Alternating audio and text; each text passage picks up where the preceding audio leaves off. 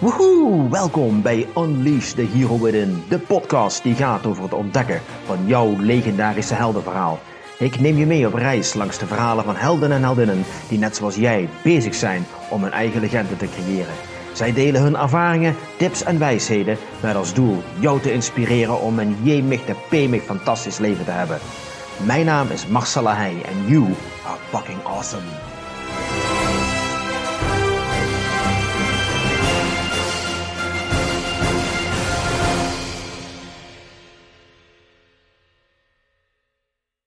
Hallo en welkom bij een nieuwe aflevering van Unleash the Hero Within. En vandaag praat ik met Egon Beert over persoonlijk leiderschap. Het overwinnen van angst, over jezelf durven zijn en de moed hebben om dit te doen.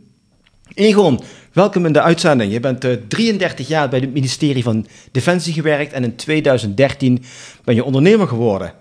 Dat ging gepaard met jouw missie om persoonlijk leiderschap te ontginnen in Nederland.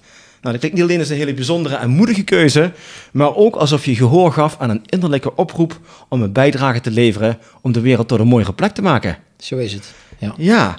En, nou, laten we eerst eens beginnen met jouw, uh, met jouw carrière bij het ministerie van Defensie, 33 jaar. En wat heb je daar allemaal gedaan en wat heeft je uiteindelijk doen besluiten om daar weg te gaan?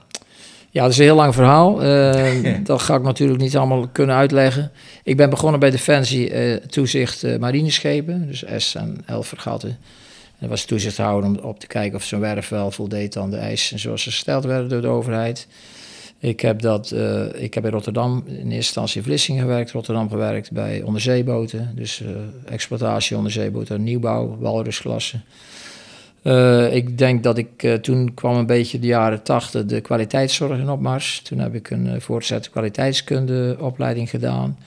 van daaruit ben ik naar Den Haag gaan werken als staffunctionaris kwaliteitszorg. Dat was toen helemaal in zwangen. ISO 9000 en 9001 en, oh, ISO, en dat soort gedoe natuurlijk allemaal.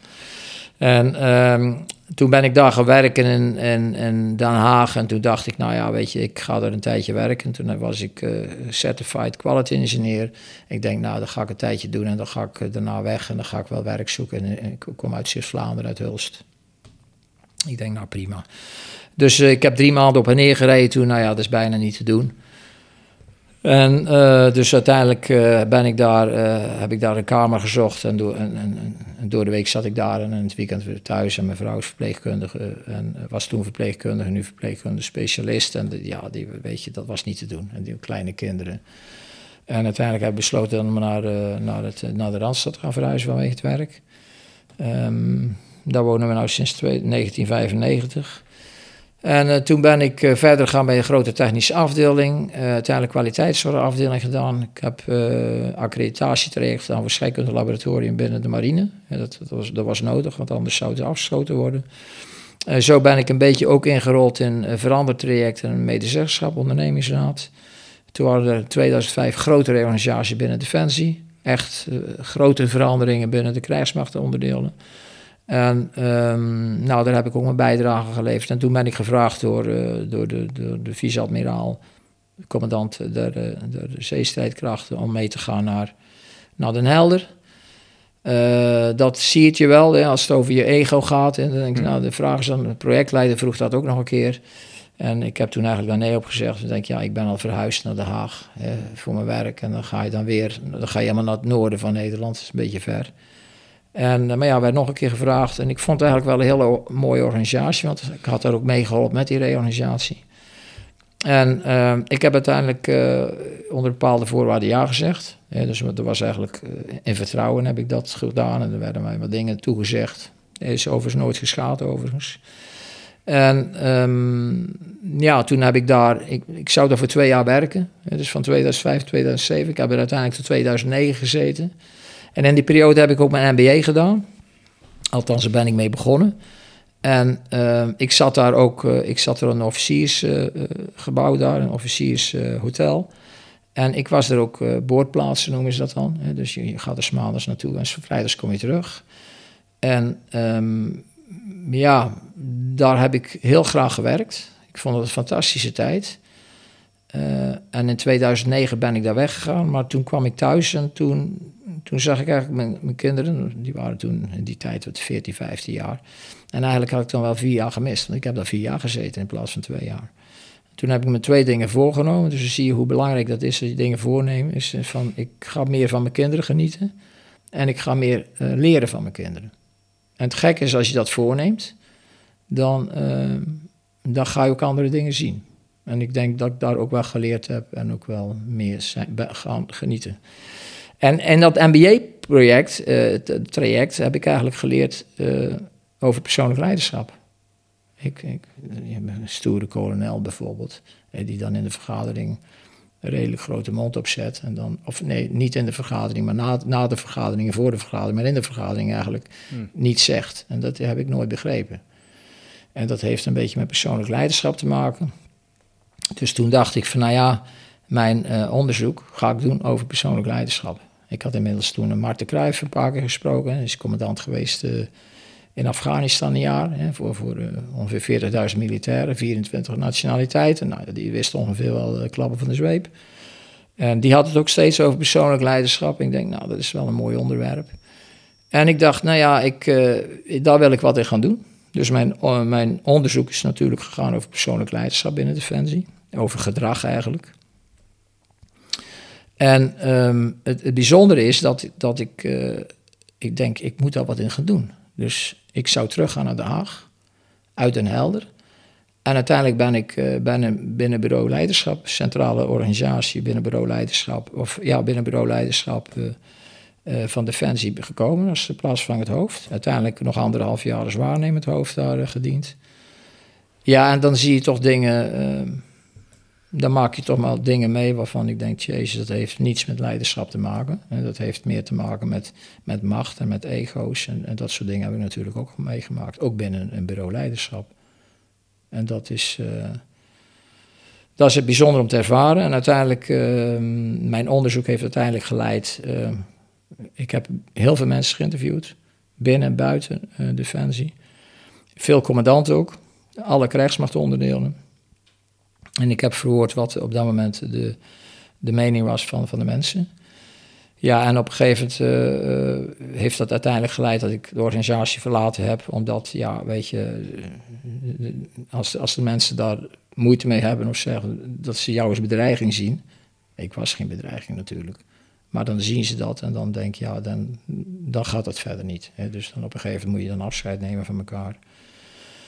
En uh, er was ook nog een factor dat heel veel mensen mijn onderzoek hebben gelezen en, uh, buiten Defensie en zeiden van, joh, Egon, wat jij daar schrijft over Defensie is, is bij ons hetzelfde. Hè? Grote bedrijven of uh, ministeries en dat soort zaken. En daar heb ik natuurlijk over nagedacht. Denk, waar, waar zit hem dat nou in? Hè? Wat, wat, is nou, wat is nou hetzelfde? Maar dat heeft natuurlijk te maken met de mens. De mens is overal hetzelfde. Of je nou bij Defensie werkt, of je werkt bij een ING-bank, of je werkt bij een, een autobedrijf. Mhm. Mensen durven over het algemeen niet, uh, niet, niet, niet te doen wat ze vinden dat ze moeten doen. Dus ze, ze durven niet te zijn wie ze zijn. Ja, dat las ik ook in jouw onderzoek. Uh, niet dat ik het hele onderzoek heb gelezen, want dat boek is net zo dik als de Bijbel onderhand. Maar ik kwam wel tegen, je hebt een uitgebreid onderzoek gedaan. En daaruit kwam naar voren dat 80 tot 90 procent van de medewerkers uh, van organisaties angst heeft om dingen te doen die eigenlijk noodzakelijk zijn om te doen. Ja. Ja. Dat is nog wel een percentage. Ja, dat is, dat is hoog. Um, ja, het, het, probleem is de context bepaald. Er is ook een of andere socioloog, Lewin, geloof ik dat hij heet. Die heeft het, dus de factor behavior is een factor van um, environment en uh, personality. En ik geloof nog steeds op het moment dat je, je kunt zelf je gedrag veranderen, maar die context is heel belangrijk. En bijvoorbeeld de militair die in Afghanistan zit, ik geloof nog steeds dat, uh, dat het Nederlandse defensie een van de betere defensies is, uh, operationeel gezien. Maar die, die officier die bijvoorbeeld geweldig goed werk durft te doen in Afghanistan of waar ze ook zitten in de wereld, diezelfde officier durft dat niet te doen in de Nederlandse omgeving. En dat heeft te maken met de context. Hè? Want je zou zeggen van ja, in Afghanistan, dat, dat, dat acteren wij heel goed omdat de hiërarchie daar zo sterk is. Nee, daar acteren wij goed omdat iedereen weet wat hij moet doen. Dat is iets anders dan de hiërarchie. Kijk, die soldaat of die matroos of die, uh, die marinier, die gaat echt niet wachten tot de sergeant zegt of de officier, je mag nu gaan schieten. Die gaat schieten omdat hij weet wat hij moet doen en dat het op dat moment nodig is. Maar zo'nzelfde situatie in Nederland, eh, dan gaat zo'n zo'n persoon of een officier, die gaat kijken wat zegt de meerdere. En dat heeft met angst te maken. En als de meerdere zegt van ja, moet luisteren, we gaan nu naar links. Terwijl dat in de vredesbedrijfsvoering uh, kun je gewoon normaal met elkaar omgaan, denk ik. Kun je kijken naar wat is jouw vakmanschap en wat is mijn vakmanschap. Maar als zo'n officier zegt we gaan naar links. En jij weet vanuit vakmanschap dat het beter is dat je naar rechts gaat. Dan zou je dat moeten kunnen zeggen. Nou, dat is, uh, dat is wat moeilijker. En dan zeggen we ja, oké, we gaan naar links. Terwijl je weet dat je naar rechts moet gaan. En ik denk dat het goed is voor een organisatie om jouw vakmanschap te gaan gebruiken. Dat je zegt, nee, ik denk dat het beter is naar rechts, want dat en dat en dat. En je, je kan dan over de inhoud praten. En uh, ik denk dat het daarom gaat.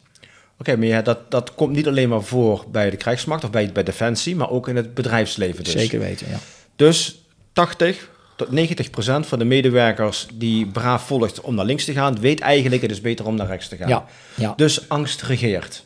Ja. Overal eigenlijk. Dat is, dat is uh, eigen behoud. Hè. Dat is behoud van, uh, behoud van je functie, behoud van de, van de, de, komende functie. Maar niet het behoud van het bedrijf of de nee, onderneming. Nee, ik sta ook vaak te kijken dat bedrijven goed uh, functioneren, of althans goed, goed, geld verdienen nog steeds. Ondanks dat er heel veel tegenstrijdige dingen in het bedrijf zijn. Maar als je zo'n onderzoek is naar buiten gekomen, en niet alleen binnen Defensie zei je, ook het bedrijfsleven, uh, heeft ernaar gekeken, wat wordt ermee gedaan? Want persoonlijk leiderschap komt pas naar boven als er iets speelt waarbij persoonlijk leiderschap eigenlijk afwezig is. Bij 80 tot 90 procent van de mensen die niet de juiste beslissing durven te maken, dan ja, is het ook duidelijk dat persoonlijk leiderschap daar ontbreekt. Of mensen worden niet in staat gesteld om daar uiting aan te geven. Ja, ja, dat is, dat is gewoon dat is heel moeilijk. Hè? Want wat, dan kun je wat is persoonlijk leiderschap? Hè? Dus dat is... Het begint toch al high, high in, de, in de food chain. Dus een, een, een commandant of een directeur van een bedrijf of een hoge manager, weet ik veel wie het is. Daar begint toch persoonlijk leiderschap? Nou ja, weet je, ze zeggen wel eens, hè, dat, dat hoorde ik vaak zeggen, van joh, de, de, de, de, de kop van de vis begint te stinken of zo. Hè? Dat is iets als het gaat rotten mm. of zo. En um, ja, ik denk dat het bij de, bij de directie, bij de top van de organisatie uiteindelijk begint. Ja. Maar het is natuurlijk de vraag, op het moment dat iemand aan de top gekomen is, hoe is die daar gekomen? En dat heeft te maken met de cultuur. Dus dat zijn hele moeilijke dingen om te doorbreken. Om uh, een bepaalde manier van handelen te doorbreken. Dus we kunnen het allemaal met elkaar eens zijn. Uh, ik, bij mijn onderzoek heb ik van, mensen ontmoet en gesproken. En denk, ja, fantastisch. Hè? Die, en die bedoelen het ook heel goed. Maar de structuur maakt het dan zo dat, ondanks dat al die individuele mensen echt een andere richting uit willen, het toch niet gebeurt omdat die structuur zo vast is. Dat, nou, die structuur heet eigenlijk, het is een structuur, maar het is eigenlijk een cultuur. Hm. En die is heel hard en dat is, uh, dat is moeilijk te doorbreken. Je, je, hebt wel eens misschien van de tipping point gehoord, dat is iets ja. van 17% moet ja. je hebben om, om, om de zaak te veranderen. Dus als je 17, meer dan 17% hebt, dan is er geen houden meer aan. Hè. Dan, dan gaan, gaan dingen veranderen. Maar ja, 17% van een grote massa is natuurlijk heel veel mensen. Dus het is vaak de angst om te veranderen, uh, om, omdat mensen niet weten wat er gaat gebeuren. En ik denk ook nog steeds, als uh, iemand aan de top staat, dat heeft ook te maken natuurlijk met de media, met alle het circus wat er allemaal rond zit. Uh, als jij leider bent of manager van een bedrijf en je zit aan de top, dan ben je ook in de beheersing bezig. Dus durf je überhaupt wel harde noten te kraken. En als je die kraakt en, en het loopt een beetje fout, dan, dan, dan ben jij de sjaak. Ja. Dus in hoeverre ben jij bestand tegen, te, tegen al die, die flauwekul die dan op je pad komt? Ja, dus daar begint het al. Daar begint het. En, en, en, uh, en iedereen heeft een mening natuurlijk. Dat zie je nu ook bij het voetbal. Dus op het moment dat er wat fout gaat, dan, uh, ja, dan staat iedereen hakken in het zand of vindt iedereen wat. Dus dat is een beetje het probleem, denk ik. En echte veranderingen.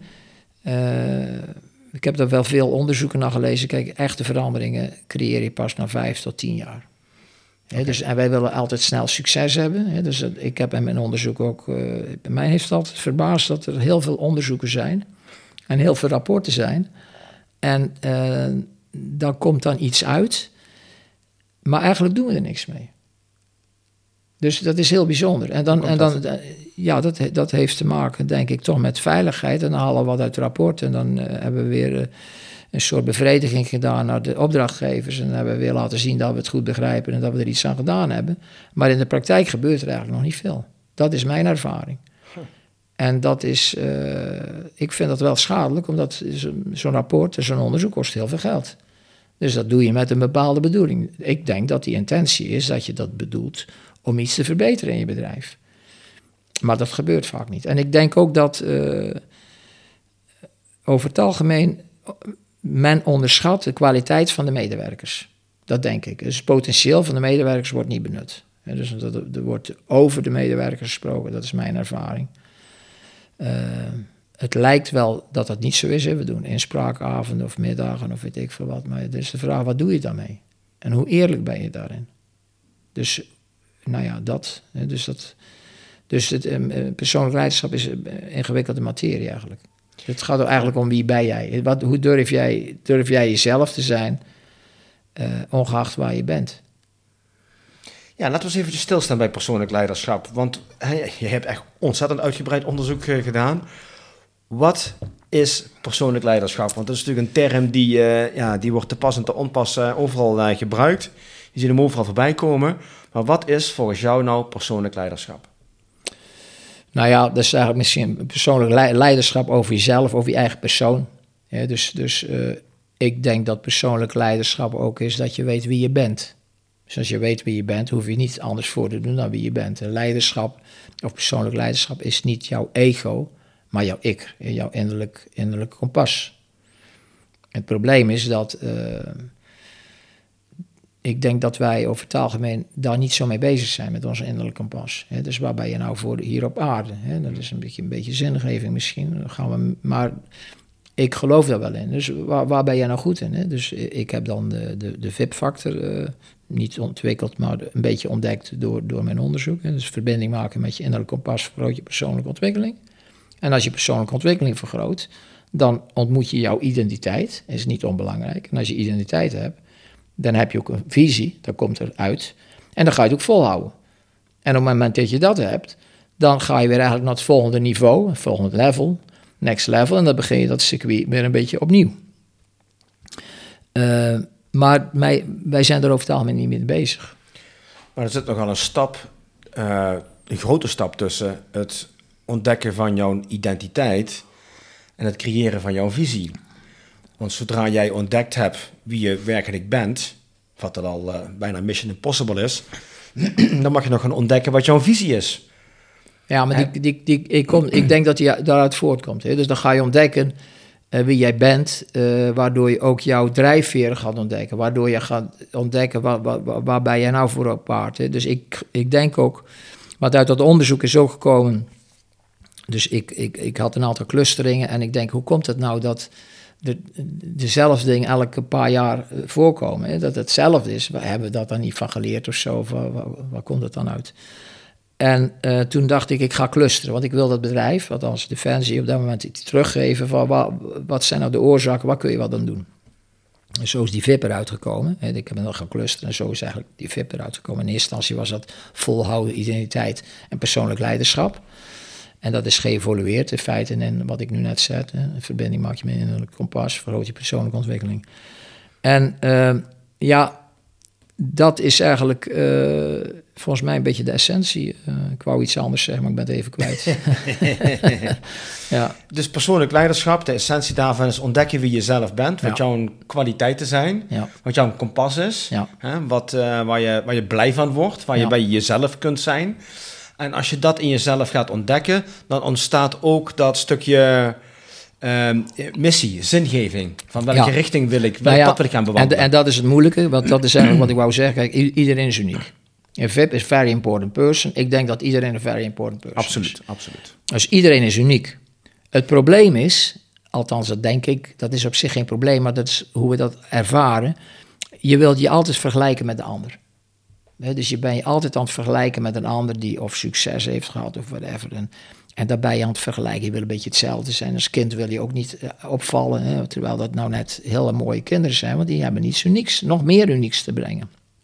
Dus uh, je wil hetzelfde zijn als een ander. Terwijl nou net Jouw uniekheid, die moet je gaan ontdekken. Dus dat is nou net dat je anders bent dan een ander. Kijk, er zijn 7 miljard mensen op de wereld. Als we nou meer gaan beseffen dat iedereen echt zo uniek is, er is geen tweede Marcel. Hè? Er is maar één Marcel, zoals jij hier zit. En die heeft een aantal uh, factoren bij, tested kennis en weet ik het allemaal. En uh, dat kun jij, als jij ontdekt dan waar jij nou voor hier op aarde bent, dan is er ook geen concurrentie. Nou is dat makkelijker gezegd natuurlijk, zo makkelijk is dat niet. Maar de essentie is zo wel. En wij zijn in staat om, dat, om ons innerlijke kompas uh, helemaal te, te, verbloemen of, of, of weg te schuiven. Hè. Bijvoorbeeld, ik, ik heb eens uh, uh, een man ontmoet, en dat is geen fictie, dat is, die, die werkte bij, bij Siemens, een groot bedrijf. En die was getrouwd, twee dochters. En die, die, die, wordt, die ze 50 passeert en die komt erachter dat hij homofiel is. Ik denk, wat heb je nou al die jaren gedaan? Hè? Hoe, hoeveel energie heeft dat gekost om dat te onderdrukken? Om dus te denken wie je bent, terwijl je dat niet bent. Nou, dat is eigenlijk heel erg. Dat kost, dat kost jouw energie. Dus je, je doet je voor als iemand. En misschien is hij wel gelukkig geweest, dat weet ik niet. Maar het was niet zijn innerlijk kompas. Het was niet wie hij werkelijk was. En ik denk dat dat vaak gebeurt. Of bijvoorbeeld een. Uh, ik, ik, ik, kom uit Hulst en had je vroeger had je daar uh, Neckerman. Neckerman is een, een, een, Duits bedrijf, dat kennen we allemaal. Duitse angel zit erin, Punktlichkeit, et cetera. En wij gingen, in het weekend gingen we altijd stap met een groepje. Met mensen die daar allemaal bij Neckerman werkten, allemaal rond de twintig of zo. En daar was ook Piet bij. Ik ben dat overigens later pas gaan begrijpen. Maar Piet was echt een feestganger. En er was altijd lol. En er was altijd wat te beleven, et cetera. Maar die werkte ook bij Neckerman. En ik vroeg wel eens een keer, Piet, hoe, hoe pas je nou bij Neckerman? Of hoe past Neckerman bij jou? Hoe doe je, hoe doe je dat? Want ik vind niet dat jij eigenlijk bij Neckerman past. Hè? Je bent een beetje lolbroek. En, nou, hij zei, Egon, geen probleem. Ik ga s'morgens die deur binnen. Ik, de, ik trek mijn masker op. En om vijf uur doe ik mijn masker weer af. En dan ga ik weer naar huis. En ik hoorde dat en ik denk, ja, dat vind ik toch raar. En, maar ik ben dat later pas gaan begrijpen. Ik denk, ja, dat is een soort uh, zelfbescherming. Dat is eigenlijk jezelf een beetje voor de gek houden. Want ik geloof in dat je, als je ergens werkt, um, dan, kan het, dan kan je ook iets doen waar je, waar je passie is. Waar je leuk vindt. En daar word je steeds beter in. En ik denk dat er heel veel mensen gewoon uh, niet helemaal hun passie doen. Oh, dat, uh, ik denk, uh, merendeel? Nou, dat is, dat is eigenlijk, in wezen is dat heel erg. Ja, hè? Dus dat, ja. dat, je, dat je dus niet je passie volgt of zo. Hè? Dus dat je, nou ja, en dat...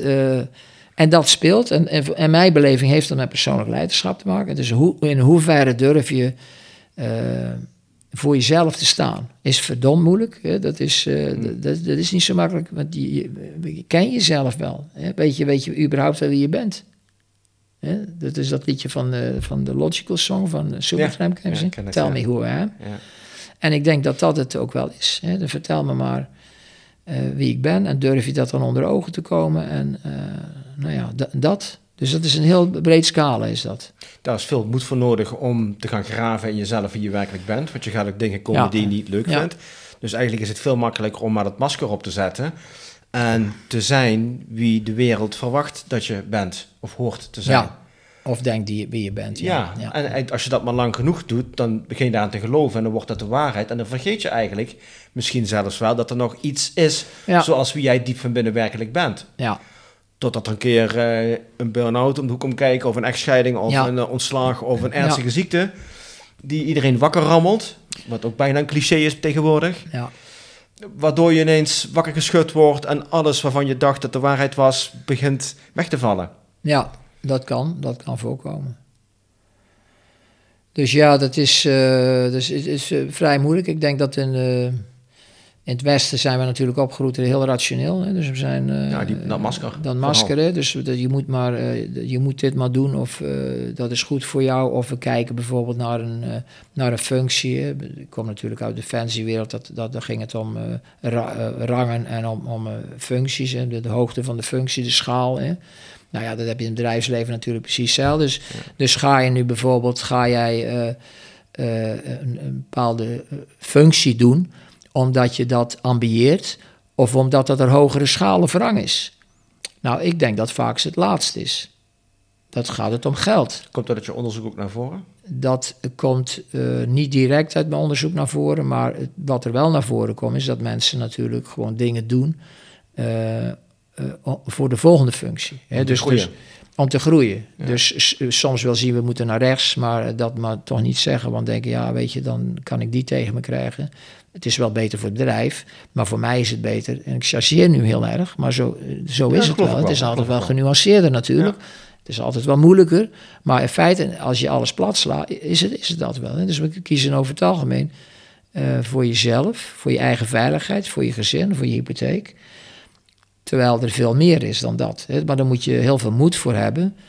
Uh, dat zie je natuurlijk ook. Uh, ja, dat is die voorbeelden van die, die klokkenluiders. Ik vind dat overigens een negatieve connotatie, klokkenluiders. Maar goed, dat zijn mensen die, die, die vinden wat, hebben wat gezien.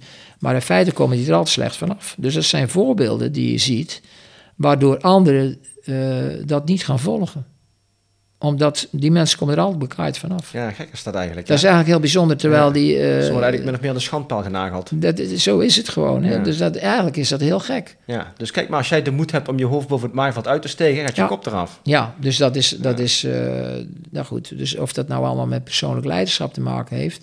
maar het heeft wel te maken met de cultuur van een bedrijf. Ik vind het wel interessant, hè, want ik heb ook wel eens uh, gelezen... How you do anything is how you do everything. Dus op het moment als jij besluit om in jouw werk, tijdens jouw werk, um, jou in te houden, waar ik me nog wel iets bij kan voorstellen. Hè? Van, ja. ik heb geen zin in die shit, laat maar zitten. Nou ja, Als jij naar links wilt, doen we dat, jullie keuze, fuck it, ik ga wel mee. Oké, okay, daar ga ik wel in mee. Het gevaar schuilt er natuurlijk in dat je dat ook in jouw eigen leven gaat doen. Kijk, je werk speel je een rol. Nou ja, dat... je kunt een rol spelen in je werk, maar in hoeverre speel je die rol ook in je leven? Ja. Want als jij het maar pikt van 9 tot 5, in hoeverre pik je het ook s'avonds? Nou ja, ik denk, uh, dus natuurlijk, die voorbeelden worden wel gegeven. Ja, dus mensen die uh, bijvoorbeeld in hun werk een soortement van dood zijn. En na hun werk helemaal tot leven komen en voorzitter zijn van dit en, en geweldig ja, ja. ambitieus zijn. Super, ja. Kijk, wat ik, ik wil misschien een leuke anekdote. Ik had op een gegeven moment uh, in een van de functies had ik een leidinggever, die was kolonel. En ik weet niet hoe dat te pas kwam. Het ging over een rol. En die zei tegen mij, maar Egon, je speelt toch hier een rol? Ik zei, ik speel hier helemaal geen rol. Ik ben hier zoals ik hier ben. Ja, ik, ben, ik ben hier, kijk, ik loop hier niet in mijn pyjama hè, rond, hè, zoals thuis misschien. Overigens, ik heb geen pyjama, maar, uh, maar ik ben hier hetzelfde als thuis. Dus het feit dat mensen denken dat je een, een, een rol speelt, je zit wel in een rol, maar je speelt geen rol. Dat vind ik. Hè. Dat is de, ik vind dat wezenlijk. Dus ik denk dat je. Uh, uh, eigenlijk volledig jezelf moet zijn. Dat je soms moet conformeren naar bepaalde uh, aspecten. Ja, dat, dat vind ik vanzelfsprekend. Dat vind ik met alles. Je kunt wel wat dingen soms vinden. Maar ja, misschien soms misschien je mond moeten houden. Omdat het anders weer uh, allerlei rare dingen gebeuren. Of weet ik veel wat. Ehm, maar ik vind wel dat je jezelf moet zijn. Of moet kunnen zijn. En dat heeft met een veilige omgeving te maken. En ik denk over het algemeen dat er dat is de essentie van een, goed bedrijf, is dat er een veilige omgeving is. is dat er zo'n veilige omgeving is dat iedereen durft te zeggen wat hij, wat hij denkt of wat hij vindt of wat hij, wat hij denkt dat beter is voor het bedrijf. Wat mogelijk een discussie kan opwerpen, maar waar je gewoon daar op gelijkheid, op gelijke basis uh, mee verder kan gaan. En zeggen van, oké, uh, wat gaan we daarmee doen? Of uh, dat soort zaken. Veilige omgeving. Een veilige omgeving is er vaak niet. Ik wil net zeggen, uit je onderzoek uh, blijkt duidelijk dat dat absoluut niet het geval is nee, zelfs. Nee, op, op het moment dat je... Uh, kijk, je kunt formeel allerlei regels hebben. Hè, dus uh, ja, ik kan de defensie is natuurlijk toch een gedeelte zit in mij ja, als defensie. Ja. Dus, dus, en ik, ik ben ook geworden wie ik nu ben, ook door defensie. Zeker. Dus ik moet defensie daar heel erg dankbaar voor zijn. Maar er zijn natuurlijk heel veel instanties binnen defensie die, die ervoor moeten zorgen dat er veiligheid is op de werkvloer. En, dus daar heb je het over de, de medezeggenschap, uh, heb je het dan over. Je hebt het over de, uh, nou ik ben even de naam kwijt, het gigantisch instituut uh, van de generaal van de krijgsmacht. je hebt adaptatieteams, je hebt er weet ik veel wat allemaal, gigantisch veel. En die zijn er allemaal voor de, om de werknemers nou eigenlijk een beetje veilige omgeving. Of als er incidenten zijn die op te lossen, et cetera. Zijn er gigantisch veel. Maar toch gebeuren er altijd nog allerlei dingen. En dat begrijp ik dan niet. dan kun je zeggen, ja, dat valt wel mee, want het is, dat zijn allemaal incidenten. Maar die incidenten gebeuren elke keer. Dan zit er een patroon in. En als iets twee keer gebeurt, dan nou, kan het toeval zijn. Drie keer gebeurt, denk je, nou, oké. Maar als vier keer en meer keren gebeurt, dan zit er een patroon in. En dan zou je naar dat patroon moeten gaan zoeken. En um, daar kun je dan allerlei onderzoek over gaan doen. Maar als je niks met het onderzoek doet in werkelijkheid en je zegt van ja, het valt allemaal wel mee, of het gaat wel goed, maar het kan iets beter, ja, dan, dan vind ik dat je niet realistisch bent. Dus dan gaat eens met mensen praten, ga er eens wat aan doen. Maar dat, dan, dan kom je toch in een moeilijk probleem, uh, of, of dan kom je in moeilijkheden in zoverre, want hoe ga je dat dan oplossen? En, en dat is de essentie. Hoe ga je uh, de structuur, hoe kun je die veranderen überhaupt? Dat is, dat is, dat is moeilijk. Dat is gewoon heel moeilijk. Oké. Als je me nog kan, kun je me nog volgen? Ja, natuurlijk. Ja, ik kan ik zelf niet meer volgen. Nee, nee, nee, ik snap het wel. Het is uh, raar dat we hè, uit zo'n onderzoeken, die, zoals je zegt, kosten bakken met geld. Het bedrijf zelf regelt dat onderzoek. Dus ze willen weten wat gaat er niet goed, wat kan beter. Ja. Dan komt er iets uit. Dit gaat er niet goed, dit kan beter. En dan zeggen ze, oké, nou dan weten we dat en dan doen we er niks mee. Nou ja, er worden wat dingen uitgehaald meestal. En dan wordt er misschien soms een, plan, eh, een, een strategisch plan eh, nagedaan of zo. Er wordt een strategisch plan uitgewerkt. En, uh, maar meestal is dat, het begin worden enthousiast dingen gedaan. En na twee jaar bloeit dat dood.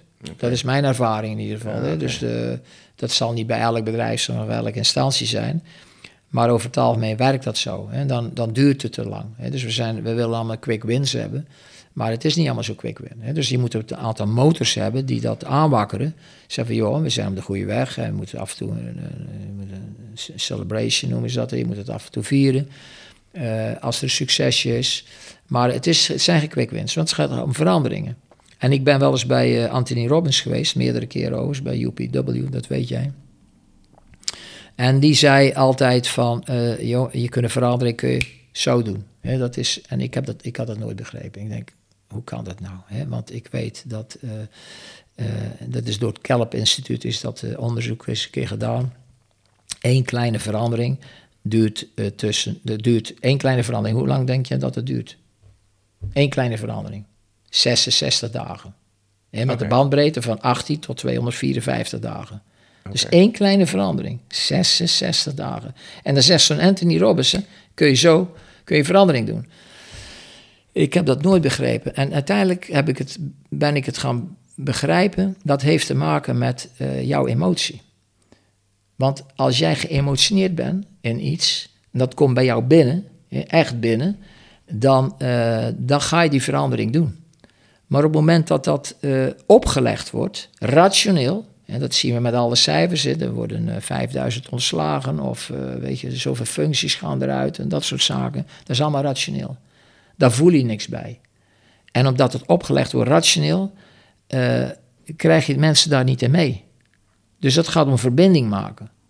Dus het, probleem is meestal met de verandering en met al die reorganisaties, is dat, we, dat het allemaal mooi op papier staan, maar we maken geen verbinding. Je, je maakt geen contact. Er zit geen emotie bij. Er zit geen emotie bij. Hè? Dus je moet niet overal heel emotioneel, maar je moet mensen wel raken. Ik heb dat uh, bij, bij, de marine was het uh, die reorganisatie 2005, 2006. Dat was een, een document voor die reorganisatie was iets van 1500 pagina's. Ik heb wel eens gevraagd hoeveel mensen denken we dat dat gaan lezen. Degene die dat natuurlijk geschreven hebben. En waarom doen we dat dan allemaal? Dat moet allemaal volgens een bepaalde procedure, volgens Prins 2, et cetera. Maar is dat wel realistisch? En zo houden we elkaar vast. Die vakbonden eisen ook natuurlijk bepaalde regels. En zo hou je elkaar allemaal een beetje vast. Waardoor het eigenlijk een soort uh, ja, papieren tijger wordt of zo. En iets wat ver van de realiteit staat. Wat uiteindelijk uh, de einddatum goed haalt. Hè, waar ze zeggen van oké jongens, het is gelukt. Maar in de praktijk eigenlijk nog een beetje hetzelfde is. Oké, dus eigenlijk is veranderen is al op zich moeilijk. Ja. Verandering is moeilijk, punt. Ja. Als we ook nog eens het, eh, het, de, de reden waarom we moeten gaan veranderen ook nog eens bijna onmogelijk gaan maken, dan ziet niemand in waarom we überhaupt moet gaan veranderen. En het ontbreekt nog eens de, de uh, emotionele draagvlak. Ja. Maar ja. zou een emotioneel die draagvlak niet zo kunnen zijn? Ik, bedoel, ik weet het niet, hè? Iets heel simpels van, uh, dit gaan we doen. Als je niet mee verandert binnen die 66 dagen, sta je op straat. Nou ja, die 66 dagen zijn een beetje vanuit de theorie natuurlijk. Hè? Dus dat is, ik weet niet of dat een goed voorbeeld is. Maar, maar je, heb, heb, je een voorbeeld van een emotionele uh, impuls die blijkbaar nodig is, die wel zou kunnen werken? Nou ja, ik denk dat om, uh, er wordt natuurlijk allerlei theorieën. Kotter heeft natuurlijk over gezegd, over urgentie. Dus als er urgentie is, uh, dan gaan mensen wel mee. Um, of dat het helemaal is, weet ik niet. Ik denk dat het om uh, echtheid gaat en om eerlijkheid. Ik denk dat dat essentieel ook voor persoonlijk leiderschap is. En uh, je, je moet authentiek zijn. Dus als jij daarvoor de, de, de menigte staat te oreren en het, het, het is niet vanuit jouw binnenste, dan uh, mensen zien dat en voelen Voel het, dat. Ja, dat geloof ik ook. En um, en ik denk dat dat te vaak gebeurt, dat, dat, dat, dat, dat, dat de manager dingen zegt, omdat dat vanuit hogerhand opgedragen is en er zelf niet ja. in geloven. Nou ja, je weet, als jij zelf niet in gelooft, hoe kun je het dan überhaupt overdragen? En dan kun je verwachten dat mensen dat gaan doen. Dus je houdt jezelf voor de gek en je houdt je organisatie voor de gek. Dus de, de, dag, ik denk dat daar vaak uh, dingen ook, ook mis in gaan. Hè? Maar dat heeft ook weer te maken, want uh, waarom ga je als manager word je doodongelukkig misschien in die taak. En waarom? Omdat je, dat, omdat je het eigenlijk, dat, je vindt het niet leuk. Kijk, want als je niet van mensen houdt, dan moet je, dan moet je geen manager willen zijn. Ja. Je moet van mensen houden om manager te zijn. En ik denk dat er heel veel managers zijn die zijn dat geworden omdat het een hogere schaal is of een hogere rang is of whatever, maar daar niet gelukkig in zijn. Wat ik bijvoorbeeld een mooi voorbeeld vind is Marco van Basten. Dat was een goede voetballer. Die is op een gegeven moment uh, trainer geworden. Ik meen met AZ was dat, ik weet het niet precies. Nou, is ergens trainer in ieder geval geworden. En die heeft de moed gehad en de guts gehad om na twee jaar, dacht ik, te zeggen: maar luisteren, ik kan dit gewoon niet. Of hij heeft het misschien iets mooier verwoord. Maar eigenlijk kwam het daarop neer. Zeg dit is niet mijn, mijn stijl. Dit is niet waar ik... Ik was goed in voetbal, maar wil niet zeggen dat ik goed in trainer ben. Om dat te onderkennen nou, daar is heel veel moed voor nodig. En dat is knap. En de meeste managers denk ik niet dat die dat durven te doen. Dat is wel grappig, hè? want we leven in een soort tijdperk bijna waarbij hè, mensen op zoek gaan naar zichzelf. Dus, hè, vroeger was dat misschien een beetje zweverig en heel spiritueel. Ja, Tegenwoordig moet je, hè, ik kom er tegen een onderzoek persoonlijk leiderschap door uh, uh, Defensie. Dus het komt steeds meer naar boven. En dan gaan we daarmee in de slag en dan doen we wat ontdekkingen. En dan hebben we niet de moed om het uit te voeren. Ja, dat is, maar dat, daar, heb je, dat, daar sta je niet alleen voor natuurlijk. Hè. Je, hebt er, je hebt dan meerdere mensen nodig. Dus het is, ja. ja maar het begint toch, de eerlijkheid begint toch bij jezelf. Altijd. Alleen, we laten ons misschien leiden door wat andere mensen daarvan vinden. Want wij ontdekken iets. En als we dat gaan uitspreken, hoe, hoe, hoe, ja. gaat de rest van de omgeving daar Nou ja, vinden? dat is, uh, ik heb, uh, kijk, ik... Uh, ik zou graag Dinant Woesthof, ik weet niet of je Dinant Woesthof kent, van, van Kane. Dus, oh, die is een Nederlandse, ja, ja, Nederlandse zanger. de naam komt bekend En um, ik heb die over laatste keer gezien op tv. En dan was hij in gesprek, althans met, ik weet niet of dat Late Night Show was of op één, ik weet het niet, een van die twee. En uh, daar was Johan Derksen ook bij. En Johan Derksen die vindt natuurlijk over het algemeen wel wat. Dat is op zich ook wel knap. En, um, en die sprak bepaalde dingen uit, zijn mening. En die Dinant Woesthof zat erbij en die ging daar niet tegen in. Maar die zei op een hele mooie manier hoe hij het vond. Dus hij zei, ja, ik kan het niet anders, misschien vanuit liefde, zeggen hoe hij het zag. En, en heel dat, Johan Derks was gelijk uitgepraat. Dus hij ging er niet tegen in. Hij zei gewoon hoe hij het zag. En ik denk dat dat ook iets met persoonlijk leiderschap is te maken. Je hoeft een ander niet te overtuigen. Nou is prima als een ander vindt dat hij naar links moet, dan gaat hij naar links. Alleen jij bent overtuigd vanuit jouw authenticiteit, dat jij, eh, en vanuit je kernwaarden, uh, dat je, dat je die, die weg wil behandelen. En dan als een ander dat niet ziet zitten, nou, oh, dat is ook prima. Uh, jij gaat het op die manier doen. En ik denk ook dat het een beetje met integriteit, een beetje veel met integriteit te maken heeft. Ja, en ook de mogelijkheid binnen het bedrijfsleven. Hè? Ik bedoel, jij kunt ja. heilig van overtuigd zijn naar alle authenticiteit en kennis en wetenschap ja, en naar links te gaan. Maar als een manager zegt, we gaan toch naar rechts. Ja, nou ja, dan heb je een keuze. Dan zeg je van, oké, ga ik mee naar rechts of uh, ga, ga, ik het niet doen omdat ik er niet in geloof. Ja. En dan, is dat het gat van de deur. Ja, dan, dan zeg je meestal van, ja, ik ga maar mee. Ja. dat is het zelfbehoud. Ja, ja, ja, ja oké. En, en zo gebeurt het natuurlijk ook vaak. Hè. Dus ik denk dat je mensen ruimte moet geven. Dus, dus het probleem is, op het moment dat je mensen dus op het moment dat jij een organisatie hebt die redelijk strak is ingericht, en je gaat mensen ruimte geven, dan komt er altijd een hoop fus. Dan komt er ook gesodemieter komt er dan. Omdat je mensen ruimte geeft. Je kunt niet verwachten dat dat... En daar moet je tegen opgewassen zijn. En daar hebben wij de angst voor om dat niet aan te durven. Dat is zoals ik het zie. Dus, dus op het moment dat je dingen los gaat laten, dus op het moment dat je iemand heel strak hebt gezet en, eh, eh, en die laat je los, ja, wat, die, wat gaat zo'n persoon doen? Die weet niet vaak gekkigheid wat hij moet gaan doen. Dat is in bedrijven hetzelfde natuurlijk. dus als, als je altijd iemand eh, op een bepaalde manier hebt leiding gegeven of gemanaged, of hoe, hoe, hoe kun je nou überhaupt mensen managen? Dat is ook al zo'n idiote term, vind ik dat. Managen, hè, dat is maar... Maar goed, ehm, je kunt niet verwachten dat iemand dan ineens eh, zelfstandig een aantal dingen gaat oppikken. Nee. Hè? Al- Als je dat daarvoor niet gedaan hebt. Als je daarvoor die ruimte niet aan die mensen hebt gegeven. Dus ik denk dat dat ook een eh, probleem is. Ja, en, en je moet ook volhouden als leider eh, als je een bepaalde richting in gaat. Dat is niet de makkelijkste weg. Je moet als leider, moet je, dat, één, je moet één van je mensen houden. Dat is één. En twee, zul je dan ook ehm, dat moeten volhouden. Dus mensen moeten gaan helpen.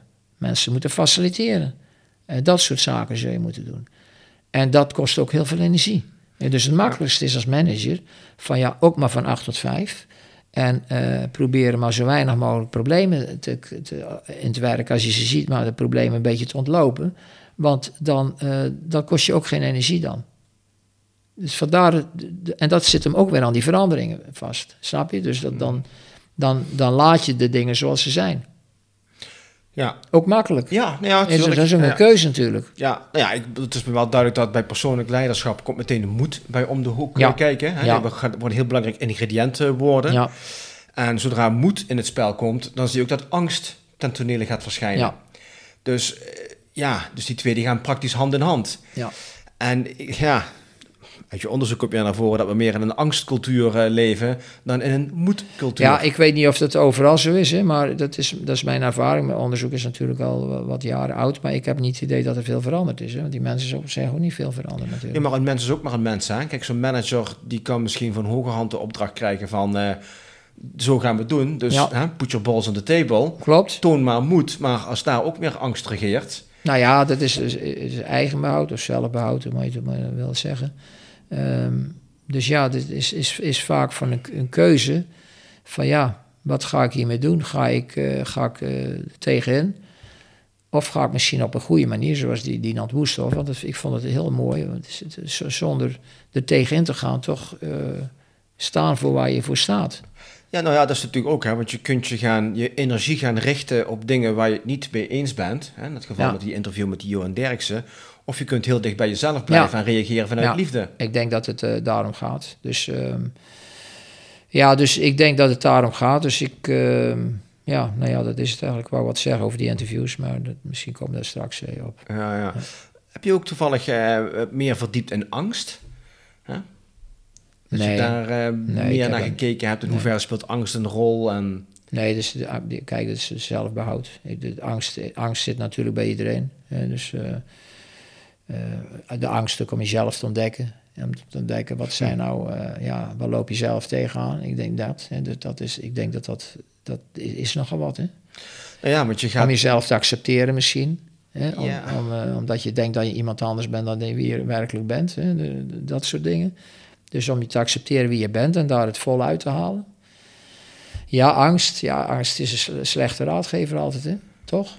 Ja, als men natuurlijk bekijkt, hè, ja, het is een slechte raadgever. Aan de andere kant, eh, hoe ik angst ervaar, is het ook een soort teken dat ik op een goed pad ben. Want eigenlijk willen we angst niet gaan onderzoeken, omdat angst is. Angst heeft gewoon een slechte reputatie. Wie wil er nou bezig zijn met angst? Aan de andere kant, als we weten dat aan de achterkant van angst ligt die beloning om een laagje dieper in onszelf te komen en dichter bij onszelf te komen en te ontdekken wie we zijn en wat onze diepste verlangens zijn, dan zou het al fijn zijn te kunnen doorbreken door die angst, om juist bij die schat te komen. Hè? Je hebt mijn schatkaart gezien. Ja, ja, Daar speelt angst een hele grote rol in. En het is natuurlijk ook zo, dat wij ons laten leiden door angst, laten tegenhouden door angst, ja, dan blijven we eigenlijk in datzelfde cirkeltje rondlopen waar we in al zitten, waarvan we eigenlijk diep van binnen weten, dat is misschien niet het beste cirkeltje. Ja, maar misschien zijn dat twee soorten angst dan. Hè? Dus, dus, eh, ik denk dat de angst is in een bedrijf, eh, zeg van angst van uh, represaille maatregelen of dat soort zaken. Dus, dus, ik denk dat een ander soort angst is dan angst om op zoek te gaan naar wie jij werkelijk bent. Ja, okay. hè? Dus, Ja, ja. Dat, is, dat is een andere angst. Ik denk dat dat een. eh, Waar. dus, dus dat. Ja, kijk, ik, eh, ik, het, ik fascineert mij bijvoorbeeld ehm, mensen die gewoon al op jonge leeftijd weten wat ze willen doen, hè, wat ze willen worden. Petje af. Ehm, of mensen die hun passie volgen. Hè. Dat, dat, ik, ik doe, je weet dat ik die interviews doe met bekende, minder bekende Nederlanders. En dan, wat, wat, ik, ik ben gefascineerd. Wat is nou wat die mensen drijft? En wat is nou dat innerlijke kompas, dat interne vlammetje waarom zij doen wat ze doen? En eh, dat heb ik jou eerder verteld. Iemand vroeg mij, wat is nou, eh, ja, wat is nou de rode draad bij jouw interviews? En ik denk, ja, wat is nou de rode draad? Want soms weet je niet, je weet wel waar je mee bezig bent, maar je weet, dat is een soort onderbewustzijn, dat jij vanuit intuïtie dingen doet. Maar eh, ja, mijn rode draad is liefde voor het vak. Dus die mensen die ik interview hebben liefde voor het vak. En hoe mooi is het niet, dan kom je weer bij je passie en bij jouw drijfveren, dat jij dingen doet die, die dicht bij jou staan. Als je liefde voor het vak hebt, dan maakt het ook niet uit hoeveel uren je daarvoor maakt of eh, overuren. Dat is allemaal niet, eh, daar raak je niet overspannen van. Zolang je maar dicht bij jezelf blijft en nou, een beetje normale werktijden hebt, et cetera. En, eh, ja, dat, dat vind, en dat wens ik iedereen toe eigenlijk. Dat je de dingen doet die bij jou passen, waar je gelukkig van wordt. Nou ja, dat. En ik denk ook dat die, die man in die, die fabriek, die achter de draaibank staat, ook best gelukkig kan zijn. En dat zijn passie kan zijn dat hij mooi, iets moois kan maken met die draaibank. Ja, zeker. Dus het heeft niet, het heeft niet te maken met eh, welke functie of zo. Het heeft te maken met wie jij bent en waar, jij, waar jouw kracht zit. Waar jou, ja, wa- wat, je, wat, je, wat je leuk vindt. En dat ontdekken, ik denk dat dat eh, meer gestimuleerd moet worden. In Nederland, Ja. België, eh, ik, daar ben ik van overtuigd. Dus meer gestimuleerd moet worden van wie ben jij nou? En dat doen ze nu wel op scholen, volgens mij, de basisscholen. Dus Oh, meer ja? kijken individueel onderwijs. Althans, dat proberen we toch. Ja, dus de, de, de, de kunst om, om iemand te zien waar iemand, een een kind goed in is. Een jongen of een meisje. Bijvoorbeeld, en dan kom je bijvoorbeeld eh, die scouts, die, die scouten voor die voetbalclubs en zo. Die, gaan kijken naar, weet ik, Nigeria, weet ik waar die allemaal naar gaan kijken. En er is een scout en die komt en die zegt, nou, die ziet dan dat die, een bepaald jongetje van negen jaar, dat die goed is. En dan vraag je aan die scout van, eh, maar dat is het unieke natuurlijk van zo'n scout weer, hoe, hoe zie je dat nou? Maar die weet dat ook niet. Dat is het bijzondere. Dus, en ik zou eigenlijk eh, wensen voor, eh, voor bedrijven en organisaties dat daar scouts aangesteld worden. Hè? Dus dan, dan eh, je zou het de VIP, VIP-scout kunnen noemen, die dan dingen kunnen, talenten kunnen, kunnen, kunnen zien. Hè? Dus die overmatig het beter doen dan, dan de rest bijvoorbeeld. Of die een talent ergens in hebben en waarvan ze zeggen, ja maar weet je, Piet, jij doet nu dit, maar ik zie, dat, dat doe je niet zo goed. Je, ik zie wel dat je dit heel goed kan. Waarom gaan we daar niet verder in? Ja. En soms moet je door een ander geholpen worden om inzicht te krijgen in wie jij zelf bent. Ja. Nou goed, dan gaan we kijken over het eh, educatiesysteem. Ehm, hè, we, we worden natuurlijk in een, in een systeem gestopt waarbij we Ja. in een hokje worden geduwd van zo moet je het doen. Ja. En het bijzondere is, en terecht trouwens wat jij zegt, ik heb er ook wel wat dat boek over gelezen. Op het moment als we dingen ontdekken bij kinderen waar ze goed in zijn en waar ze minder goed in zijn, dan gaan we toch maar de focus leggen op de dingen waar ze Ja. minder goed in zijn. Ja. In plaats van dat, hè, dat talent zeg maar helemaal te gaan ontwikkelen. Ja, nou ja, dus ik, ik denk, ik, ik kijk er nou waar... Maar goed, ik, eh, je, je moet ook natuurlijk eh, ehm, taal natuurlijk goed kunnen. Dus je moet een beetje kunnen schrijven, denk ik dan. Maar ja, van de andere kant, je kunt ook tegenwoordig in de huidige tijd afvragen. eh, je hebt ook een, eh, een laptop of een computer en die kan ook corrigeren. Weet je, dus of die D en die T, of dat nou goed is. Maar ja, het zegt wel een beetje van je algemene ontwikkeling natuurlijk. Maar ja, ik denk, eh, we zijn allemaal anders. En iedereen heeft talenten. Dus het is eigenlijk een opgave voor iedereen. En ook voor docenten, maar eigenlijk voor iedereen. Van als je iemand ziet en denkt, hé, daar, ik zie dat je daar heel goed in bent, om dat, om dat terug te geven naar iemand. En ehm, wij zitten in een maatschappij waar iedereen, waar het redelijk jachtig is, vind ik. Althans, Zeker, er moet, ja. al, moet allemaal dit, er moet dit en dat. En ehm, dan heb je ook geen tijd om naar een ander te kijken. Om, om eens te zeggen van, goh, ik zie dat jij, eh, ik zie jou dit, dit zo goed doen. Waarom ga je daar niet verder in? Of, en dan kun je, kun je eens een gesprek aangaan waar iemand een reflectie uh, of kan reflecteren. En waar je feedback geeft. Uh, maar als je, als je zelf ook jachter bent, kun je dat niet zien. Want dan ben je bezig met die red race. Ja. Dus op het moment dat wij meer uh, ruimte geven aan introspectie, of hoe je het allemaal noemen wil en als jij weet ook wie jij bent, hè, voor jijzelf bent, en voor zover dat überhaupt mogelijk is, maar als je dat uh, denkt te weten, dan heb je ook meer ruimte om een ander feedback te kunnen geven. Omdat je dan omdat je niet bezig bent met jezelf. En als je niet bezig bent met jezelf, dan kun je, kun je niet aan een ander opletten, maar dan kun je iets, iets terug doen voor een ander. Zeg, hé, hey, maar ik zie dit, waarom doe je dat niet? Dan moet, en uiteindelijk moet je altijd zelf weten. Die andere persoon moet, moet dat zelf gaan bepalen. Jij kan het niet bepalen, moet een ander zelf bepalen. Maar uh, dat is het mooie en dat vind ik van die scouts natuurlijk mooi. Denk je, hoe, hoe zie je dat dan? Hè? Ja. Dus ik, ik, zou wel uh, toewensen in bedrijven dat, dat daar energie in stopt. Ja, nou, ik ben benieuwd of dat gaat gebeuren. Dat gaat niet gebeuren natuurlijk. Dat, is, dat is natuurlijk ook ingewikkeld. Ja, want je, je kunt dat niet in een functie direct vastleggen en je kunt er geen... Uh, uh, een bepaalde eh, functie, functionaliteit aan toewijzen. Want wat dan? Want je kunt, je kunt dat niet uitleggen. Een soort tested kennis. Ja. Dus een soort tennis, die kun je niet op papier zetten. Klopt, ja, ja. En dat is het, dat is het mooie van tested kennis. Vandaar dat ook, uh, ja, er is geen tweede Marcel. Er is geen tweede Marcel hij, want dat, dat, uh, jij hebt ook tested kennis. Die kun je niet opzetten, die heb jij. Die zit in jou. Ja. En zo is dat natuurlijk bij meerdere dingen. Ja, ja. ik ben wel nieuwsgierig, hè, want jij hebt, uh, toen jij voor jezelf bent begonnen, ben je heel veel uh, lezingen gaan geven over persoonlijk leiderschap. En echt uh, behoorlijke volle zalen. Je werd uitgenodigd door een hele ondernemingen ook, die jou inhuurden om hun personeel meer te vertellen over persoonlijk leiderschap. En je had natuurlijk jouw 33 jaar ervaring bij Defensie. Dus ineens van 33 jaar Defensie word je in de visvijver neergezet van het, van het bedrijfsleven. Ja. Um, hoe heb je jouw uh, ervaring zeg maar, bij Defensie kunnen gebruiken als ja, een soort metafoor met wat er in het bedrijfsleven allemaal gebeurt? Zijn daar hele grote verschillen? Of ga je juist dingen oppikken waarvan je denkt van... hé, hey, wat gek wat ze hier in het bedrijfsleven doen. Dat doen we in Defensie ook, dat hebben we zo en zo opgelost. Misschien zou die oplossing ook wel perfect passen in het bedrijfsleven. Uh, ja, ik denk uh, alles wat jij zegt, dat is misschien een makkelijk antwoord. uh, dat is iets te makkelijk misschien. Ja, ik, de, ik denk dat de, de, de, de, de overeenkomst en de verschillen, maar eigenlijk de overeenkomst is de mens.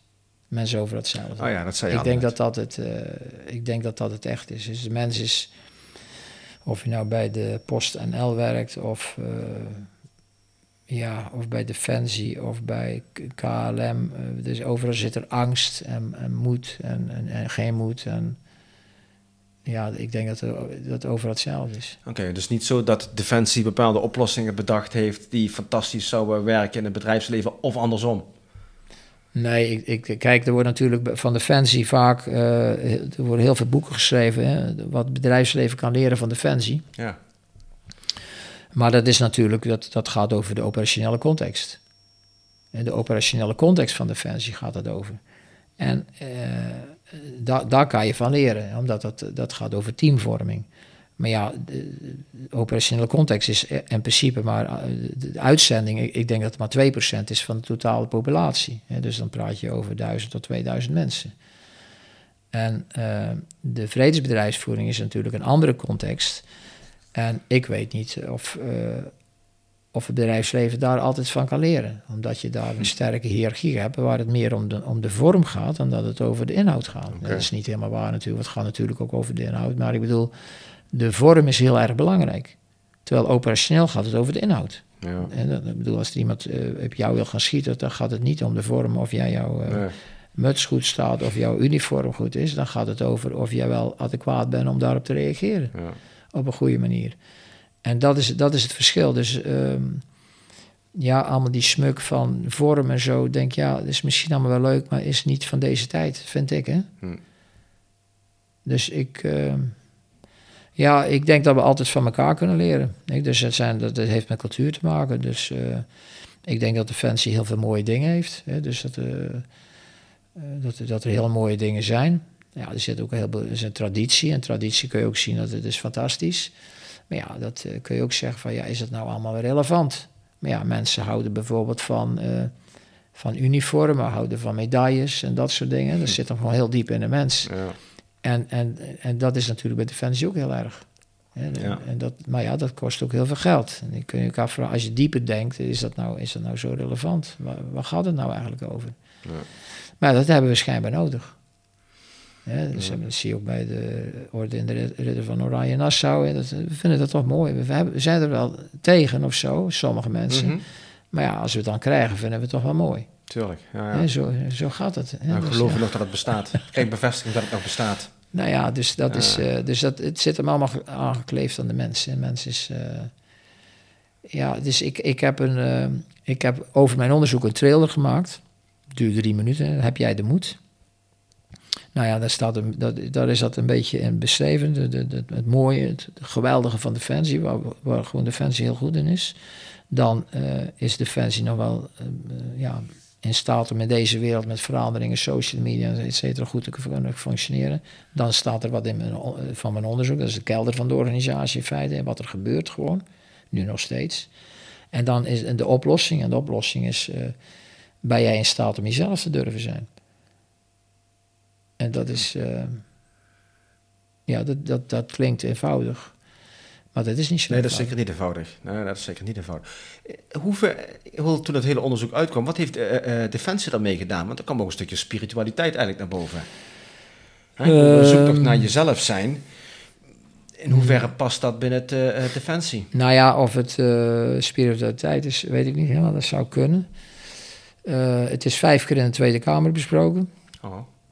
Um, ja, ik, ik, ik, heb er, ik heb er met, met, met, met, met, met Janine Hennis heb ik ook mijn rapport besproken. En met Hillen overigens ook. En dat was mooi. Hillen was, uh, dat was nog voordat ik begon. Of net dat ik begonnen was of zo. En ik had er een gesprek mee. En, uh, en er staat ook een quote van Machiavelli. Dat er niets moeilijker is dan het veranderen van een bestaande orde. En nou, de quote is iets, iets langer, maar daar mm. komt het eigenlijk om neer. En, en, achteraf bleek, maar dat wist ik op dat moment niet toen ik met Hillen aan het praten was, dat hij, hij was voorzitter van Mach, Machiavelli Stichting in Nederland. Maar goed. Dus hij, uh, en ik denk ook dat veranderingen van binnenuit moeten komen. Hè. Die moeten niet van de top. Die, die, top moet misschien wel richting geven en een visie misschien hebben. Het faciliteren. Het faciliteren. Met name faciliteren en niet de regie strak in de handen willen houden, maar los durven te ja, laten. En ja. dat is het probleem natuurlijk. De meesten durven dat niet los te laten, want dan zijn ze bang dat er iets gaat gebeuren. En, uh, maar de verandering moet er van binnenuit komen. En um, dat zei ik ook tegen Hille. Hij zegt, dus die was het er helemaal mee eens. Dus ik denk, nou heb ik je. Ik zei, nou dan kan u misschien wel sponsor worden van, me, van het onderzoek. Maar dat was, iets, dat was iets te snel door de bocht natuurlijk. Daar reageerde hij niet op. En ik heb uh, twee jaar geleden heb ik uh, nog met uh, staatssecretaris van Defensie, Barbara Visser, gepraat. Over mijn onderzoek en over de mogelijkheden van veranderen. En ik denk dat dat een heel wijze vrouw is. Uh, die het heel goed ziet. Maar dan kom je ook weer tot, tot de structuur van de organisatie. Je kunt het wel goed zien, mm -hmm. maar um, in hoeverre heb je dan de moed om, om de dingen echt te veranderen die noodzakelijk zijn? Maar je kunt allemaal uh, door blijven gaan met onderzoek, et cetera. En ja, ik ben daar niet uh, zo'n voorstander van. Ik denk dat als je met mensen gaat praten, ze heel goed weten wat er moet gebeuren, et cetera. Ja, ja. En, da, en dan zul je soms, uh, zul je gewoon eerlijk moeten zijn. Zo van, joh, werkt het nou hier goed of niet? Of zijn, we, zijn we eerlijk tegen elkaar? Ja. Dus ja, er is, er, is, er is heel veel te doen. En misschien moeten we ook gewoon af en toe accepteren dat mensen geen zin hebben in die verandering. Dat ze weten dat het beter ja. is om het wel te doen, maar gewoon ja. denken... Nou ja, prima. Ik heb er geen zin in. Precies, ja. ik heb het al 30 jaar zo gedaan en waarom zou ik niet moeten veranderen? Dat klopt. Dat is, dat is gewoon... dus ja, mensen over het algemeen ja, vindt het moeilijk om te veranderen. Dat zeggen wel eens uh, om veranderd te worden. Maar uh, ja, ik denk dat mensen altijd wel genegen zijn om, om dingen anders te doen als het maar logisch is. Dus als het een logica is. Dus als het een of onlogica... Een ervaring. Ja, of, of, een, of, een, uh, of dat er emotie bij te pas komt. Ja. Dat, maar daar zit ook een logica aan. Hè? Dus dat, dat je denkt van, verdorie, dit raakt me wel. Ik denk dat dit beter kan. Um, dan ga je sneller mee. Dus, dus ja, kijk, het, het, gaat om. Wij zijn vaak instrumenteel bezig. Althans, dat heb ik bij Defensie gezien. Maar dat is natuurlijk een andere organisatie. Je moet, je moet formaliseren. Je moet een instituut hebben. Je moet, uh, je moet procedures hebben, et cetera. Maar het is de vraag van... Uh, degene die inhoud aan die procedures gaan geven, aan die protocollen... die moeten wel gevoel hebben. En ik denk dat dat vaak missend is. Althans, althans het is wat ik gezien heb. Je, je kunt wel allemaal instituten hebben, maar ja, die instituten doen op dit moment die doen niks. Het, het, is, het is de inhoud die je doet. Snap je? Ja. Kijk, die, eh, bijvoorbeeld de geloven, die zijn allemaal goed. Geloven zijn allemaal prima. Maar het zijn de mensen die het uitvoeren, de instituten, die er eigenlijk een bende van maken. Ja, ja, interpreteren dat weer anders. Nou, die interpreteren dat anders. Nou, weet ik waarom ze dat anders interpreteren. Maar ik denk dat alle geloven uh, bestaan uit liefde. Het beste voor de mensen. De basis, ja, zeker, Dat, dat, dus ik denk dat... Uh, dus die, dus, en datzelfde met die instituten bedoeld werd, moet, die zullen het als mens moeten goed moeten, uh, voort moeten brengen. En je zult dat als mens, zul je daar iets mee moeten doen. Ja, dat komt humanity komt mij bijna naar boven. Dat is uh, ja, medemenselijkheid. Ja, dat is een soort Ubuntu hè, vanuit Zuid-Afrika. Dat is medemenselijkheid. Gewoon, uh, Dus niet, niet denken in hiërarchie, niet denken in machts, mm. machtsverhoudingen. niet denken in leidinggevende en leidingontvangende, of hoe je het allemaal maar noemen wil. mijn ondergeschikte dit en dat. Gewoon mensen zo met elkaar, dat je het samen moet doen. Nou, ik denk, ik denk dat dat kan.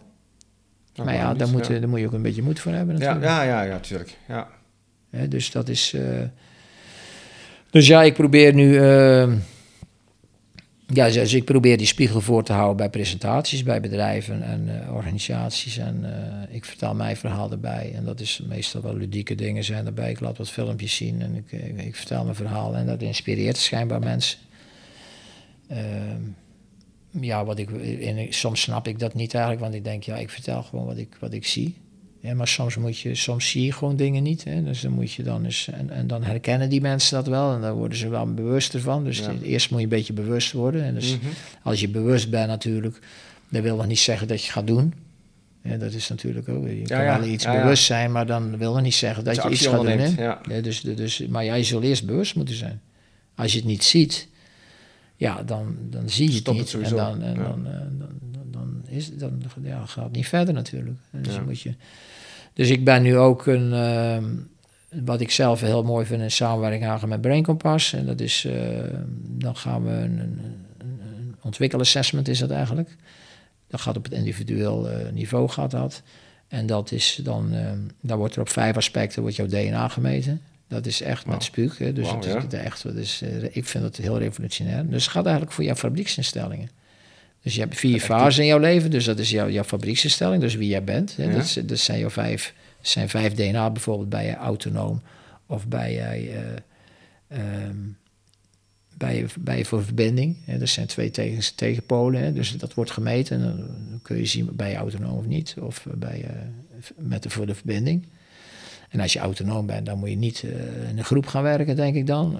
Uh, of je moet geen leiding gaan geven. Nou ja, dat soort dingen. En daar wordt er gemeten jouw hechtingsfase, dat is tot drie jaar. Waar ik uh, door, die, door, door dat nu te doen, ben ik me bewust geworden hoe belangrijk het is de eerste drie jaren van iemands leven. wat er kan gebeuren. Hè? Dat iemand een negatief mensbeeld of een negatief eigenbeeld gaat krijgen. Nou ja, dan heb je van 3 tot 21 jaar je, je, ontwikkelingsfase, mm je persoonlijkheidsfase, en dan van je 21ste tot je, tot je dat, die test doet, uh, jouw professionele fase. Nou, en die vier elementen maakt dan, dan kun je zien het verschil. En dan kun je zien, nou ja, als jij ergens blokkeert of uh, je bepaald gedrag vertoont, waar komt dat nou vandaan? komt dat vanuit jouw fabrieksfase? Je fabrieksinstellingen. Ja, ja. En uh, ja, dan, dan, moet je er wel wat krachtiger in doen. Maar op het moment dat je dat ziet in een rapport, dan, uh, ik heb dat natuurlijk ook gedaan, dan denk je, ja, potverdorie, waarom reageer ik nu zo? Dan denk ja, oké, dat komt daar vandaan, dat komt van mijn fabrieksinstellingen. Dat wil niet zeggen dat je het zomaar kan veranderen, maar je, je weet waarom je zo handelt, waarom, waarom je zo handelt, waar dat vandaan komt. Een stukje bewustwording. Dat is een stukje bewustwording, waardoor je uh, sneller je eigen reflectie kan, dat is nog verdomd moeilijk overigens, maar jezelf kan reflecteren. Ja. En ik gun het eigenlijk iedereen toe om, uh, om, om daardoor sterker te worden. Om daardoor meer jezelf te leren kennen. Zeg, hé, hey, zit ik nou... En je herkent het wel. Maar uh, nou ja, om een stukje meer jezelf te herkennen. Ja. En ik ben toen, ik ben, toen ik daar voor het eerst mee kennis maakte, aangeslagen door met name die fabrieksinstelling. Ik denk, jezus, dat is toch gaaf, hè? die fabrieksinstelling, want dat is wie jij bent. Dus dan doe je bijvoorbeeld, nu doe je dit. Maar ja, dat is misschien niet helemaal tegen, tegen je eigen innerlijke kompas in. Dus hoe mooi is het niet dat je de fabrieksinstelling ziet? Nou, goed, ik heb met, met die, die ontwikkelaar, zei ja, dat is een van de vier elementen. Hè? Dus, dus het is niet alleen die fabrieksinstelling, het zijn ook die elementen die daarna komen natuurlijk, die ook maken wie je bent. Ja, ja, tuurlijk. Hè? Dus, het is, Het is, het is een, maar het is wel een belangrijk onderdeel waar je vergeten bent. En die, die hechtingsfase is ook een heel belangrijk onderdeel. Dus dat, dat, dus dat, is, dat is de wetenschap die maakt dat je, uh, die kan je daar een beetje bij helpen. Om te ontdekken wie je bent. Ja, als je dat wilt. Het is allemaal hulpmiddelen. Dat zijn allemaal hulpmiddelen. Je moet het uiteindelijk allemaal zelf je doen. Moet, ik kon net zeggen, ja. dus als je iets niet wil, dan, dan hou het op. En dan kan iemand aan je zitten trekken, et cetera. Dat heeft allemaal geen zin. Je moet iets wel willen. En dat is, ja, dat is overal natuurlijk mee. Ja, en je, je gaat pas bewegen natuurlijk op het moment dat je, dat je, dat je dat wil. Of dat je die emotie hebt. Of, of dat je... Of de pijn voelt uh, als je het niet doet. Of de pijn voelt. Hè. Pijn is natuurlijk, uh, ja, pijn is nog altijd wat krachtiger. Hè. Dat, mm. Daar schijnen we meer uh, niet voor open te staan, maar wel meer uh, ja, gevoelig voor zijn. Hè. Meer motivatie hierop te doen. Er schijnt, ja. er schijnt iets, ja, een grotere motivatiefactor te zijn dan... Dat geloof ik ook wel inderdaad, ja. ja. Hey, ik wil nog afsluiten met één persoonlijke vraag aan jou. Ja. Ik heb een lijstje met vragen gemaakt en normaal gesproken kies ik zelf uit, maar misschien laten we het lot eens een keer kiezen. Het zijn 31 vragen. Noemen ze getal tussen de 1 en de 31? 13. 13. oh. Naar wie kijk je op en waarom? Naar wie kijk ik op en waarom? Jezus zeg. Ja, ik, nou ja, naar wie kijk ik op, weet ik eigenlijk niet. Moet ik heel eerlijk zijn, naar wie kijk ik op? Ik heb wel respect voor mensen. En, en kijk, ik heb, uh, ja, je, daar kun je een heleboel namen noemen die bekend zijn natuurlijk. Maar ik heb bijvoorbeeld heel veel respect voor, voor Lisbeth, voor mijn vrouw. Die is een specialist en die, uh, die werkt heel hard. En, uh, en dan bijvoorbeeld s'avonds uh, maak ik dan eten klaar en dan was ze weer te laat en zo. Hè. Dat is een beetje standaard overigens. En in het begin vond ik dat vervelend, toen ik op een gegeven moment zag dat zij zo gepassioneerd is met, voor, voor die patiënten en zo. Daar, en dan was er weer iemand die belde net, of die arts kwam weer even binnenlopen en moest er weer even iets besproken worden. En ehm, ja, ik, ik, ik denk, en dan ben ik dat zo gaan zien. Ik denk, ja, dat is fantastisch. Dus ik, ik, als ze nu later is, vind ik dat niet meer zo erg. Dus het gaat om ook eh, je eigen beleving, hoe je, waar je bij iets neerzet. Ja. En ik heb respect voor mijn zoon, die is uh, skileraar. En dat is ook niet uh, de meest best betaalde baan die er is. Mm -hmm. Maar die volgt zijn hart en, daar, en daar is die helemaal, dat is helemaal zijn ding. En ik heb een dochter, die is uh, basisarts. En ehm, ja, dat is helemaal haar passie ook. Dus, maar dat is ook niet altijd makkelijk. Dus, ik, dus dat, dat heeft een beetje te maken met in 2009 dat ik dacht van ik ga meer van mijn kinderen leren en ehm, nou ja, meer, uh, meer genieten eigenlijk. Dus ik zie daar nu dingen van, denk ja, dat vind ik eigenlijk wel fantastisch. Dus wat dat er gaat, ben ik een gelukkig man. Ja. Uh, dus dat zijn mijn voorbeelden. Is misschien, ik, ja, ik respecteer die heel erg. Hè. Dat is ook niet altijd merkbaar in het gezin natuurlijk. Hè. Ik ben ook maar een mens natuurlijk. maar uh, ik vind dat wel heel mooi. En met name Lisbeth die dan gepassioneerd is om wat ze doet. Dit is gewoon, gewoon het ding. Ja. Dus die doet het niet voor het geld, of die doet het niet voor, die is daar gewoon echt ja, bijna dag en nacht mee bezig om het goed te doen. Ja. dus niet om het even af te raffen, om het goed te doen. En ik denk dat dat de essentie is van. Uh, dat zou eigenlijk de essentie van iedereen moeten zijn. Als je het doet, doet het dan goed. Ja, ja, waarschijnlijk hebben ze alle drie je boek gelezen. of in ieder geval goed geluisterd naar wat je al uitgesproken hebt. Ze hebben natuurlijk de, de verdediging meegemaakt, dus dat hebben ze goed gelezen. Of ik dat goed gedaan, weet ik niet. Maar ze volgen alle drie hun hart en ze leven hun passie. Ja, dus en dat is toch wel persoonlijk leiderschap. Ja, ik denk dat wel. Gaat. Ik denk dat dat uh, de kern is waar het om gaat. Hè. Dus uh, ja, en, en, daarin proberen vol te houden. En dat zal niet altijd meevallen. En dan moet je ook tegen ja, bergen op of over muren heen. Maar als, als dat het echt is, dan ga je het namelijk ook volhouden. En dan komt er altijd iets, een, een, een mogelijkheid dat je zegt, god, Tori, dat, als ik dat eerder gezien had. Hè, maar dan, dan, dan kom je pas op het moment dat je het volhoudt. Ja. Als je het niet volhoudt, dan, eh Hou het niet vol. dan niet het, Nou ja, dan hou je het niet vol. En dan hou je het niet vol, omdat Ja. het niet jouw passie is. Ja, ja, ja, ja. ja. Dus het is eigenlijk allemaal eh, heel logisch. ja. ja dat klinkt allemaal heel erg logisch. Maar de, de essentie is eh, integriteit, denk ik, en authenticiteit. Als je het, en misschien ook wel medemenselijkheid. Ja, het zijn meerdere dingen. Nou, kijk, nou, dat zijn mooie dingen om je af te sluiten Ja. ook. Nou ja, dat was het weer. Persoonlijk leiderschap, moed, integriteit, authenticiteit. Eh, wat was die laatste? Mede, Medemenselijkheid. Ja, medemenselijkheid. ik hoop dat ik wat, eh, wat zinnig gezegd heb. Want Ik, ik weet het eigenlijk niet. Ja, ja, tuurlijk. Je hebt je hart laten spreken, dat is altijd goed. Ja, ja. Dus eh, hartstikke bedankt ervoor. Fijn Jij dat je jouw Marcel. kennis wil delen. Over persoonlijk leiderschap. Ik bedoel, iedereen heeft ermee te maken. Dus ja, het is Zeker gewoon, weten. ja, ja, ja, een beetje, beetje meer bewustzijn daarin, denk ik. Ja, ja. Dus beste luisteraar, ik hoop dat jij er ook weer wat van opgestoken hebt. In ieder geval hartstikke bedankt eh, voor het luisteren weer.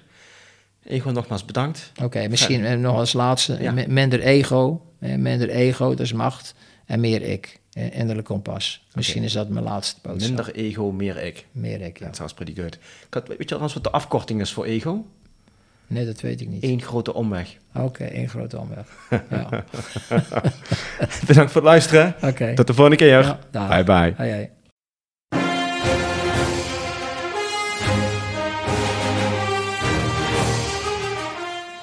Ik hoop dat je net zoals mij weer hebt genoten van de mooie verhalen van mijn gast en er hopelijk iets aan hebt gehad.